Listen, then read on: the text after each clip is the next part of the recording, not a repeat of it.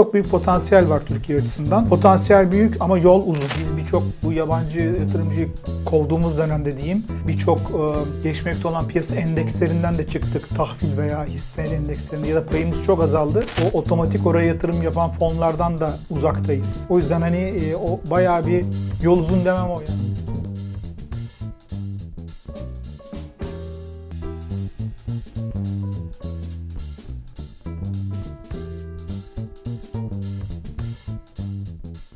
Haluk Bey merhaba, hoş geldiniz.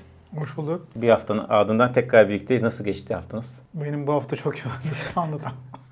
Ee, kolay gelsin diliyorum. Yoğun görüşmeler, toplantılar mı? Aynen.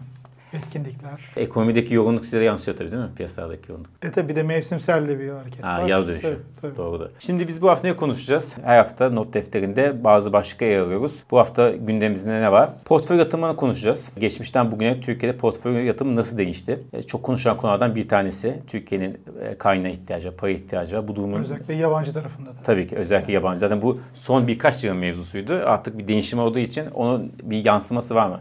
Portföy yatırımlarında o tarafa bakacağız. KKM'de yeni bir düzenleme geldi. Zaten biz her hafta yayında yeni bir düzenleme konuşuyoruz. bu hafta yeni bir düzenleme geldi. Onun etkiyeni, orası etkiyeni konuşacağız. Ve yine bununla bağlantı, hepsi birbirine bağlantılı zaten. Rezervlerdeki son durumu. Size kendi notunuzda paylaşmışsınız Twitter'da. Oradan hareketle rezervlerdeki son durumu size soracağım. İlk olarak portföy yatırımlarından başlayalım. Şimdi Türkiye'de portföy yatırımı yakından takip eden bir veri. Son yıllarda oldukça sıkıntı, sorunlu olduğumuz, kötü olduğu performans sergilediğimiz bir kısım. Şimdi seçimden sonra e, burada yeni bir umut, e, acaba giriş olacak mı, portföy yatırımı nasıl değişecek diye konuşuldu. Ben sizden öncelikle biraz da geçmişe gitmek ve 2000'li yıllardan bugüne bu portföy yatırımı nasıl seyrettiğini bir de tabii ki seçim sonrası bir değişiklik olup olmadığını sormak isterim. Evet, e, kritik bir konu çünkü aslında cari açığın finansmanı tarafından bakmak lazım. Sonuçta portföy yatırımları da buna hizmet eden önemli kalemlerden biri. Burada kastettiğimiz tabii portföy yatırımları Türkiye'deki vatandaşın değil de yabancının Türkiye'deki portföy yatırımları. Çünkü Türkiye ile döviz girişi olması için Türkiye'ye dıştan bir şey olması lazım. O yüzden yabancıya bakıyoruz. Geçmişte tabii ki geçmiş deyince 2001 kriz sonrasını tabii hep oradan başlatıyoruz çünkü esas büyük dönüşüm ekonomide orada oldu ve o portföy yatırımlarının e, zirveye ulaştığı süreç 2013'e kadar devam etti. O süreç Türkiye'nin aşamalı olarak işte Avrupa Birliği'ne başvuru sürecini de içeriyor ve ekonomide yaptığı işte IMF programı da vardı o dönemde hatırlarsak. O kapsamda yaptığı yapısal reformlar, işte Merkez Bankası bağımsızlığı, kamu ihale kanunu gibi bütün bunlar Avrupa Birliği üyelik süreci, daha sonra işte enflasyon hedeflemesinin uygulanması, belli bir başarıya ulaşması gibi gibi şeylerle adım adım Türkiye'ye başlangıçta özelleştirmelerin de o dönem hızlı olmasıyla önce doğrudan yatırım olarak yabancının girişlerini gördük ki 2016 yılına gelindiğinde aslında rekor o zaman kırıldı. Yaklaşık 28 milyar dolar bir yıllık dönemde doğrudan yatırım olarak giriş gördük. Bunlar daha çok Türkiye'deki şirketlerin bankalar başta olmak üzere alımı gibiydi. Ama bugün konuşmak istediğim konu aslında orası değil. Orasında çünkü daha vakit var oradan bir yeniden bir doğrudan yatırım ciddi boyutta görmemiz için. Ama e, daha yakın vadede portföy yatırımına ihtiyaç var gibi duruyor Türkiye'deki döviz dengeleri açısından. Onu konuşmak istiyorum. Orada da portföy yatırımlarının iyice de güçlenmesi Mayıs 2013'te zirveye vurdu ve o da yatırım yapılabilir kategoriye her üç kuruluş tarafından, her üç kredi derecelenme kuruluş tarafından Türkiye'nin yatırım yapılabilir kategoriye çıkarıldığı tarih zaten oralar oluyor. Mayıs 2013 oluyor. Bu bayağı bir önemli zirve noktası ve o noktada şöyle bir rakamlar vereyim. Portföy yatırımlarının o Mayıs 2013'te son 12 aylık değeri 52 milyar dolar. Yani bu rakamları unuttuk epeydir. Hep çıkış konuşuyoruz tersine. Yani 52 milyar dolarlık bir, bir yıl içinde bir sadece portföy tarafından bir giriş oldu. Düşünün yani bu ne sağlıyor? Bir, e, Merkez Bankası'nın rezerv biriktirmesini sağlıyordu o dönem ki o dönem yine rezervlerde rekor 135 milyar dolara kadar çıkmıştı. Ve bugünkü gibi öyle borç alınan para falan değildi yani swap veya depoyla. Tamamen Merkez Bankası'nın sadece içinde bankalarında tabii zorunlu karşılıkları vardı ama onun dışında hep Merkez Bankası rezervleriydi ve reel kurlarında yani TL'nin de değerlendiği bir dönemdi 2010 yılında ki politika değişikliğine kadar oradakileri başka bir programda konuşuruz orası çünkü çok ayrı bir hikaye. Ama yani demek ki e, finansman açısından rahatlatıyordu Türkiye'yi. Döviz akışını sağlıyordu. Yurt dışında döviz dengelerinde sağlıyordu. Bu anlamda önemli. Bunun da tartışmalı tarafları var. Şu anda reel kurların değerlenmesi izin vermek lazım mı falan. Bunlar daha sonraki, bunlar şu anda lüks bunları konuşmak için erken. Bunları zaman içinde konuşuruz. Tekrar portföy şeyine dönersek o 52 milyar doların içinde en büyük payı belki çoğunun sandığı gibi borsaya girişler oluşturmuyordu. O onun payı 7 milyar dolardı yani zirve noktasında. Esas girişler yurt içindeki hazinenin ihraç ettiği tahvillereydi. Yani 22 milyar doları bulmuştu. İkinci büyük kalemde şeydi. Hazinenin Eurobond ihracı değildi enteresan. E, bankaların Eurobond ihraçlarıydı. 11 milyar falan civarında oraya geldi. Şirketlerin de yine 3-4 milyar dolarlık bir giriş vardı. Eurobond vardı 7 milyar dolar kadar e, bir giriş vardı. Yani ana kalemler bunlardı. Şimdi bu yapının tabii çok uzağındayız ama esas en uzak olduğumuz nokta tahvil tarafı. Tahvilde biliyorsunuz yabancı yatırımcı sıfır gibi bir şey. Hadi 1 milyar dolar bir portföy gözüküyor. Öyle diyelim yani 22'lerden buraya geldi. Dolayısıyla en büyük boşluk burada var. Bir de bankaların e, yurt dışı tahvil ihraçları da 11'lerden negatife geçti. Yani geri ödemeye başladık net olarak. Hep geri ödüyoruz son yıllarda. Ama son e, haftalarda bir kıpırdanma var gibi. Ba, e, bankaların veya şirketlerin yurt dışı tahvil ihraçlarını duymaya başladık. İşte Arçelik gibi kurumların buna bir sürü e, eklenebilir. Muhtemelen diğerleri de takip edecektir. Buralarda yani e, bir potansiyel var. E, iyi işaretler geliyor. Tahville ilgili de şöyle sinyaller var. Hani son 10 yıllık ihale oldu önceki hafta. 10 ihraç sonrası yabancı yatırımcının aldığına dair bazı haberler çıktı. Tabii bunun veride daha henüz görmedik. Bu bu hafta göreceğiz verilerde. Teyit ederse ve boyutunu anlayacağız. Yine de sevindirici bir gelişme çünkü malum getiriler %28'e çıkmıştı. Yabancının belli koşullarda ilgi gösterebileceğini düşündürüyor ama tabii birçok şarta bağlı tabii tahvilin tekrar 22 milyar dolarlara gitmesi hiç kolay olmayacaktır. Yani böyle bir perspektif var portföy yatırımında. Geçmişe baktığımızda çok büyük potansiyel var Türkiye açısından. Ama ee, şöyle diyeyim potansiyel büyük ama yol uzun. Yol uzun. Peki bu şunu sormak için, şimdi BMS seyireceğimiz için. Portföy yatırımı sıcak para mı? Sıcak para tarafı var ama şöyle diyeyim hisse senedi sıcak para mıdır? Bence değildir. Çünkü belli bir risk alınarak risk alırsınız ya bayağı bir risk alırsınız. Girersiniz. E, 10 yıl vadeli tahvil almak sıcak para mıdır?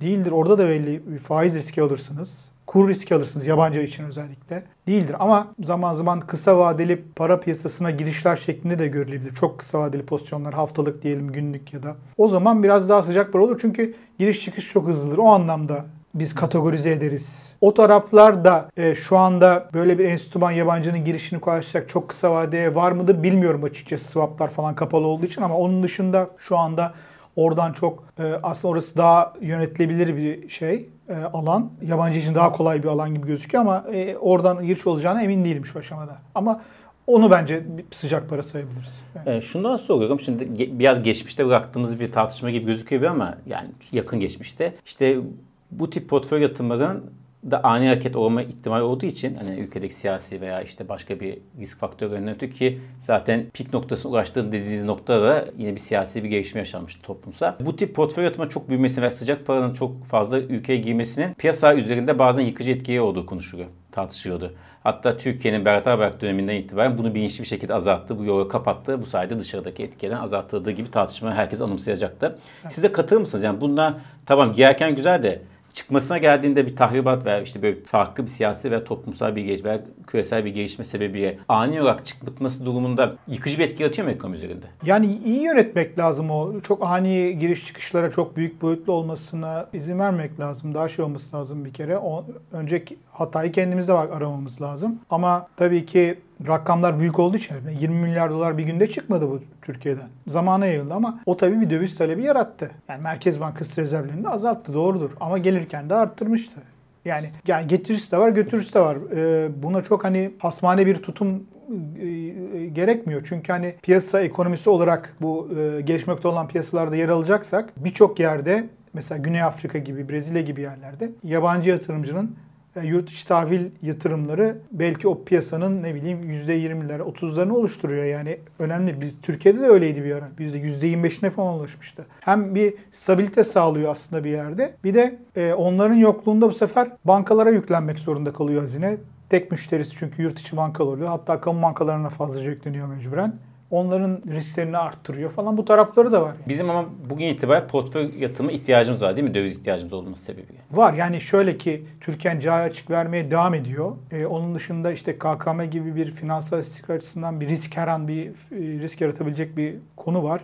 Ve rezervler de malum negatifte. Böyle bir şeyde sizin hani daha iyi bir duruma gelmeniz için döviz giriş sağlamanız lazım. Bunu da sağlamanın en hızlı yollarından biri bu o yüzden mecbur gibi.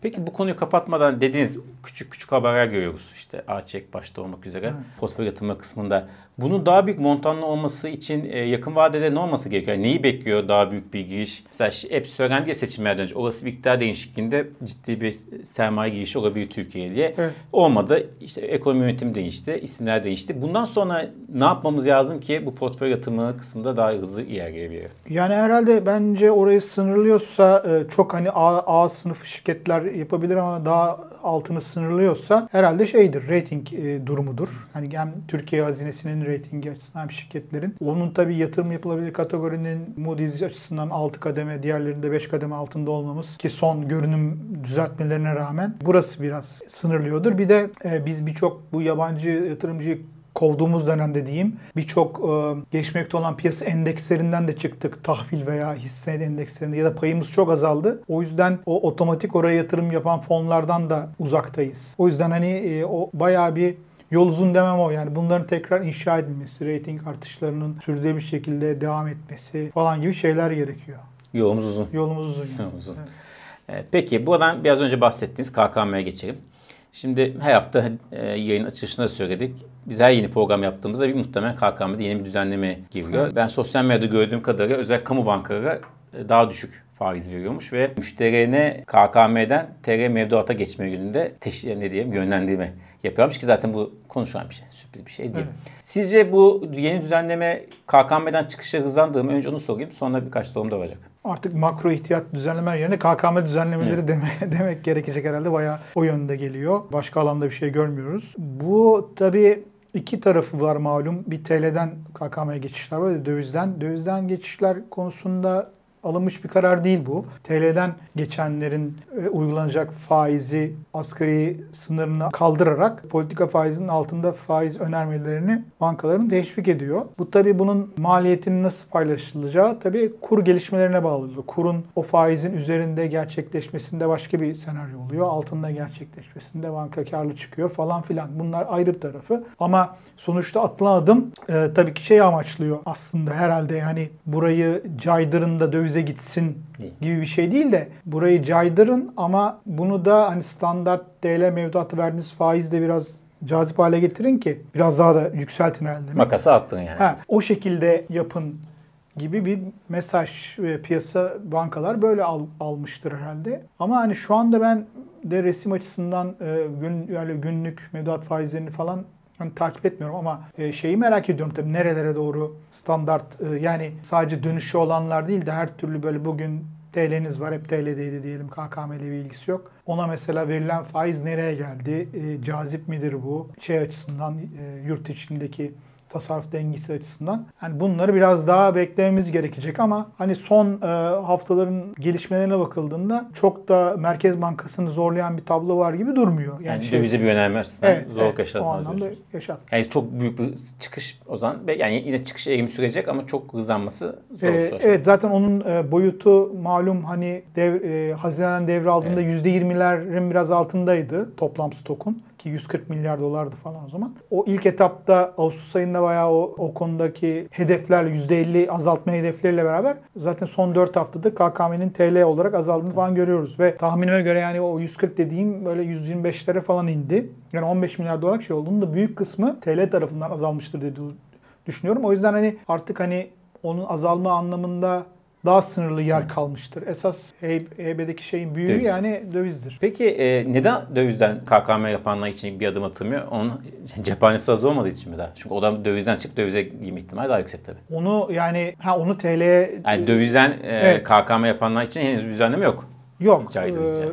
Onda ufak bir hedef vardı ama hani e, sonra işte yenileseniz de olur falan gibi bir noktaya geldi. Çünkü biraz orası daha kalıcı bir DTH yatırımcısı diyelim. Yani çok ikna edemiyorsunuz. Tabii hiçbir zaman ikna olmaz demek değil bu ama şu aşamada ikna etmek kolay değil. O yüzden orası çok zorlanmıyor. Orası biraz bekleme, Evet. beklemede. Peki son olarak rezerve konuşalım. Bugün işte söylediğim gibi e, notlarınıza paylaştınız. Rezerverde bir iyileşme. Son haftada Evet, evet. son hafta gördünüz. Bunun hem sebebi ne? Hem bu bir trend miydi yoksa daha trendde olduğunu söylemek için erken miydi? Önden tahmin yapmaya çalışıyoruz tabii. Rakamlar Perşembe günü açıklanıyor. Şöyle diyeyim, e, toplam rezervlerin e, 4.1 milyar dolardı yanlış hatırlamıyorsam arttığını gördüm. Yani 125,5 civarına e, çıktı. Net uluslararası rezervlerin de 6.4 gibi daha yüksek bir e, seviyede artarak 24 milyar dolar gibi e, bir noktaya ulaştı ki bunlar e, Şubat ayından beri görülen en yüksek seviyeler. Şimdi burada neden olduğunu bilmek işte orası zor. Yani şöyle ki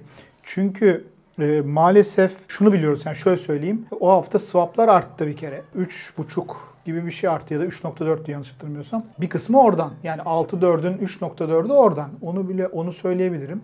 Yani onda bir sürpriz yok. O yüzden zaten hani swap hariç takip ediyoruz. Ama swap hariçte de bir iyileşme var. Öyle baktığımda o zaman malum hep bunları konuşuyoruz. Merkez Bankası'nda belli kanallardan döviz geçişleri oluyor. Belli kanallardan çıkışlar oluyor. Bunların çıkışların içinde en büyüğü de herhalde KKM ile ilgili bankalara verdiği döviz kitlesi oluyor. Dolayısıyla herhalde o hafta girişler çıkışları ağır bastı ve nette 3.4 net olarak almış gibi gözüküyor. Bu belki şöyle bir şey olabilir. Ee, iyi bir şey tabii bu merkezin rezervi ama bir yandan da sistemdeki arz fazlası varsa onu alıyorsa aslında dengeler açısından kuru da biraz yukarı ittiriyor gibi oluyor. Yani Evet. şu anda çok görmedik ama hafif hafif Hafif. dikkat edersek her gün biraz daha yataylıktan daha biraz değer kaybına doğru Çok küçük adımlar Evet yukarı demek ki hani ona da dikkat ediyorlar ama buradan da çok büyük sonuçlara varmak doğru olmaz. Ee, yine kontrollü bir değer kaybına izin veriliyor diyebiliriz. Çok teşekkür ederiz Haluk Bey. Çok sağ olun. Ee, bu haftalık da yayının sonuna geldik. Portföy yatırımlarını, KKM ve rezerv konuştuk. Esnaf itibaren döviz piyasasını konuşmuş gibi olduk biraz. Çok sağ olun. Haftaya kadar kendinize çok iyi bakın. Görüşmek üzere.